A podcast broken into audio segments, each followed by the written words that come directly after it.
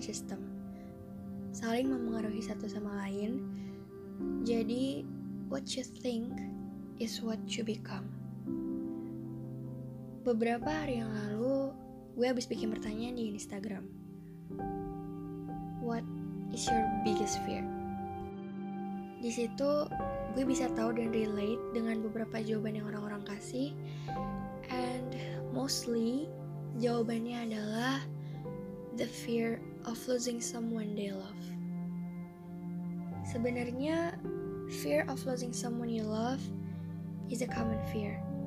Ditambah lagi, we cannot hold the fear of losing someone, jadi ya nggak apa-apa, allow yourself to feel. Kenapa sih kita ngerasa takut kehilangan seseorang? Padahal sebenarnya kita udah tahu bahwa everything is impermanent. Either they will pass away or leave you. Dan kalau hal itu udah terjadi, kita nggak bisa apa-apa, cuman bisa terima dan mencoba pulih seiring berjalannya waktu. Fear of losing someone, kayak yang gue bilang tadi, is a common fear.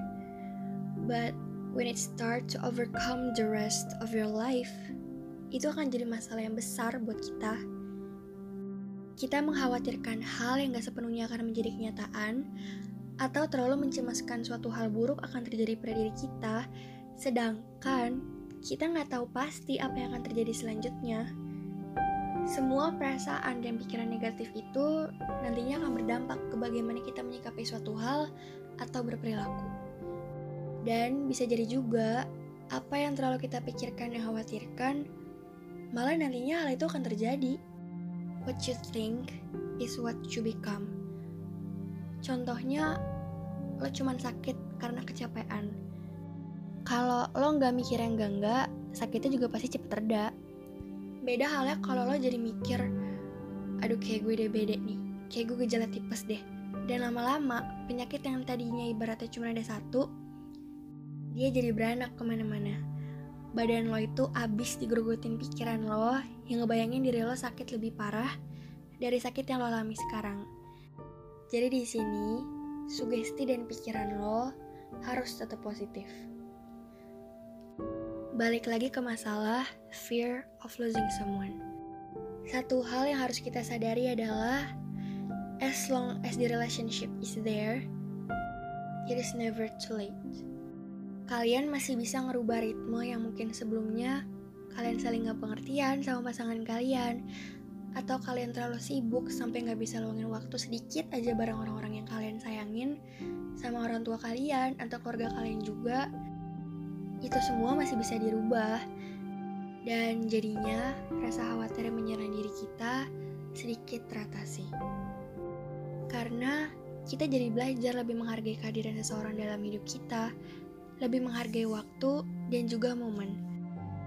Say all the things you need to say. Kalian bilang kalau kalian sayang sama mereka, tunjukin rasa sayangnya. Karena nggak ada kata terlambat selagi seseorang itu masih berada di sisi kita. Terkadang, we hide our feelings, the darkness inside, karena it is easier than the risk of losing them. Ada juga hal-hal yang kita pendam yang sebenarnya udah jadi rasa sakit di hati, tapi terlalu takut untuk ngungkapinnya. Karena kita mikir, kalau kita jujur, kita takut kehilangan seseorang itu. Seseorang itu akan pergi di saat mereka tahu yang sebenarnya gimana. Pasti pada pernah ngalamin juga kan? Pokoknya, say all the things you need to say. Jaga supaya komunikasi tetap baik-baik aja. Jangan takut kehilangan seseorang, sampai ngebuat kalian kehilangan diri kalian sendiri. Selanjutnya, selain the fear of losing someone, poin kedua di sini ada juga yang terkadang khawatir atau takut akan masa depan. Ini juga yang terkadang ngebuat kita kehilangan diri kita sendiri. Kita terlalu jauh ngebawa diri kita ke gambaran masa depan yang belum tentu akan terjadi persis seperti apa yang kita gambarkan, sampai-sampai kehidupan kalian yang sekarang tuh malah jadi nggak kekontrol. Sebenarnya baik kita mempunyai banyak rencana di masa depan, tapi kita juga harus sadar di mana tempat kita sekarang. yang kita jalani ya kehidupan kita yang saat ini. Jangan terlalu memaksakan diri kalian untuk menjadi seseorang di masa depan yang kalian impikan, tapi sebenarnya kalian pakai cara yang salah untuk mewujudkannya. Mimpinya udah ada, tapi rencananya belum beraturan. Apa yang terjadi di kehidupan kita hari ini might be completely different tomorrow. Jadi sebaik mungkin kita jalanin yang bisa kita rasain sekarang. Live in the moment as much as you can. Rasa takut itu pasti ada dan wajar, tapi jangan sampai hari-hari yang kita jalani itu dipenuhi dengan rasa takut. Dan kita sampai kehilangan momen lainnya karena terlalu larut memikirkan ketakutan yang belum tentu terjadi. Apa pun perasaan takut yang kalian rasain, entah itu dulu atau saat ini, gue berharap semoga semesta segera memberikan hari-hari baik dan memulihkan rasa yang membuat kalian sedih. Dan kalian juga jangan terlalu sering memendam perasaan sendiri.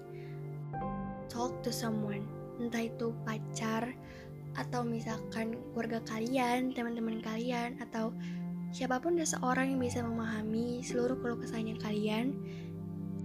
Jadi jangan merasa kalau kalian akan melaluinya sendiri dan gak akan ada orang yang akan nemenin kalian. Tetap jaga kesehatan semuanya.